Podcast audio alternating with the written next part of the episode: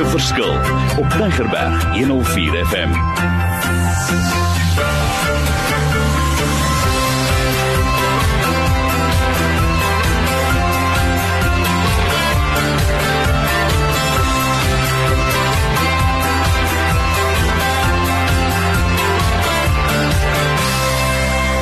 Wonderlik, dit is weer ons program gemaak 'n verskil in die lewe daar buite. Dis sessie nommer 2. Ons gaan aanhou praat oor hierdie onderwerp van leadership and why is it so important. Now I know from my side being at business school love talking about leadership. But is this, you know, I ask my question if we do so much training about leadership, why do we have so many problems in the world today?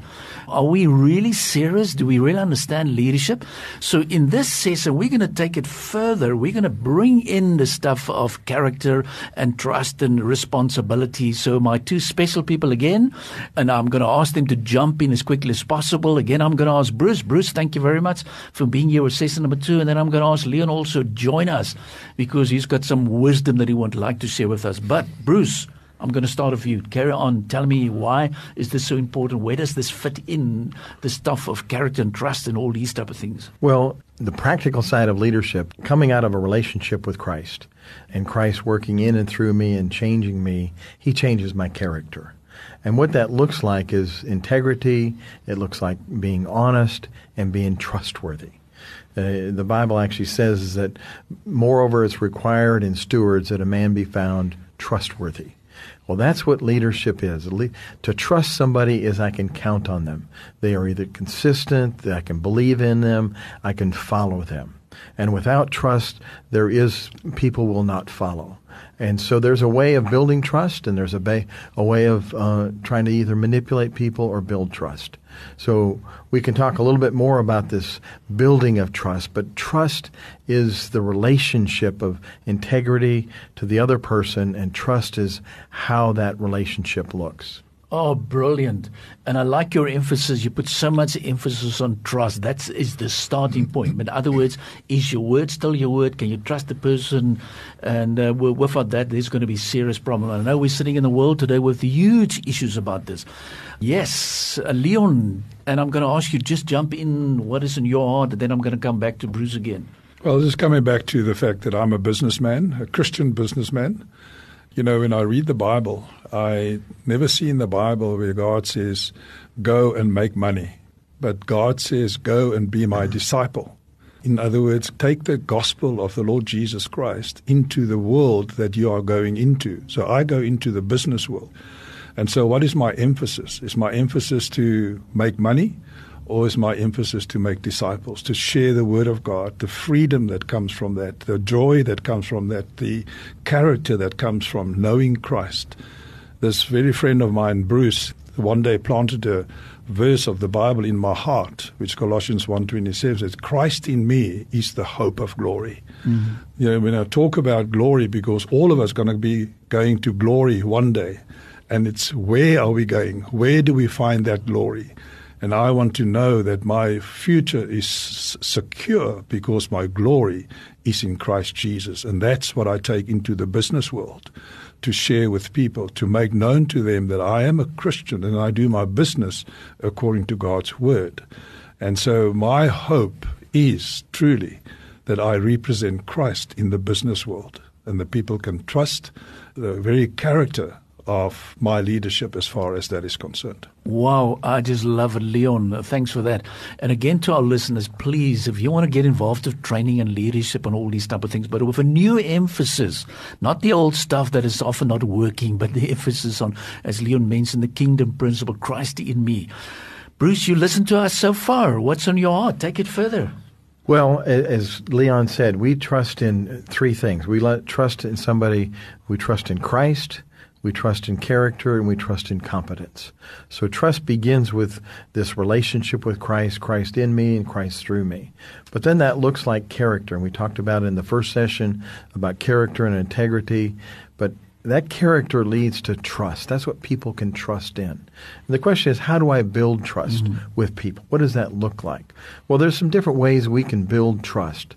First of all, is that we are we talk straight to people. We talk direct. We're not trying to give them half the story or sugarcoat things or or or make things. Um, unbelievable, but we just tell people the truth.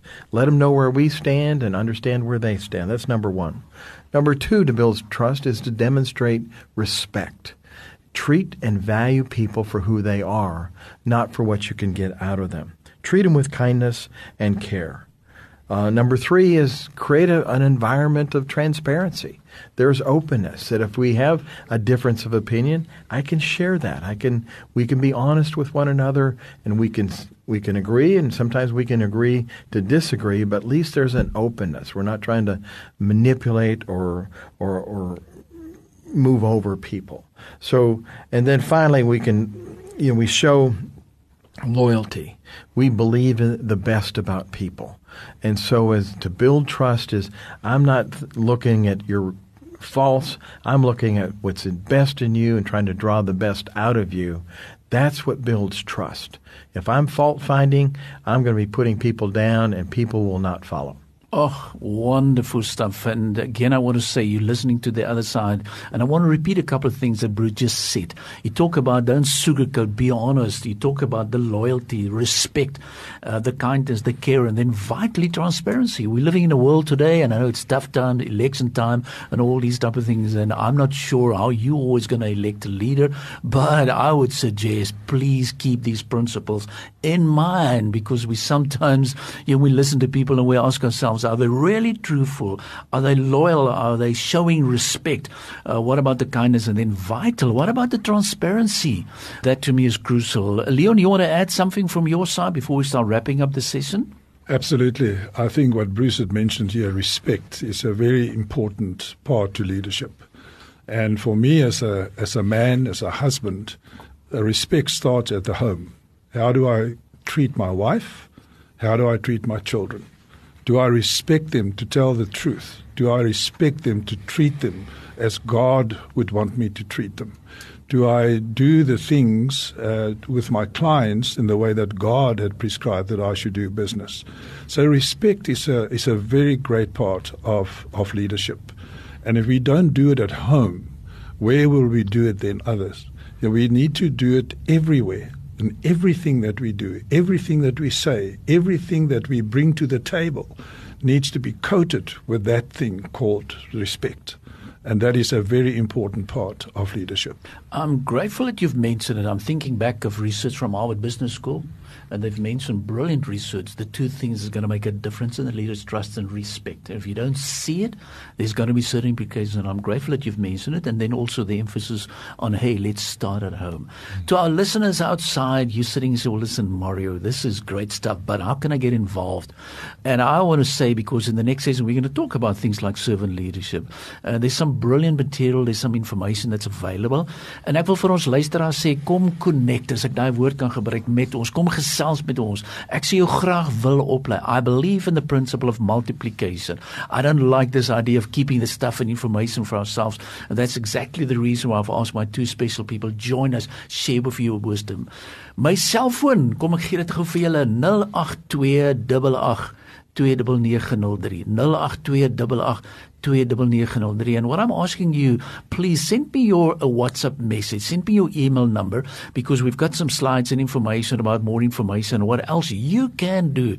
I'm looking forward to a conference on this topic and this is why we're going to talk in the next session about is there something about leadership specifically servant leadership? Is it still valid today or is it something say Mario forget about it it's not working anymore? So I'm going to put my two special people again I'm going to challenge them and say, well, listen, is this really serious? Do you still believe this is applicable? Moet ons die een wang draai of uh, is it okay? So it's going to be a wonderful discussion. So again, from my side, thank you very much. Keep on listening so that you can make the difference. And I want to close always by final words. Go and make a difference. Stay blessed and keep on mind in terms of reading and reading and connect with us as I explained to you. 08288 2903 Be blessed.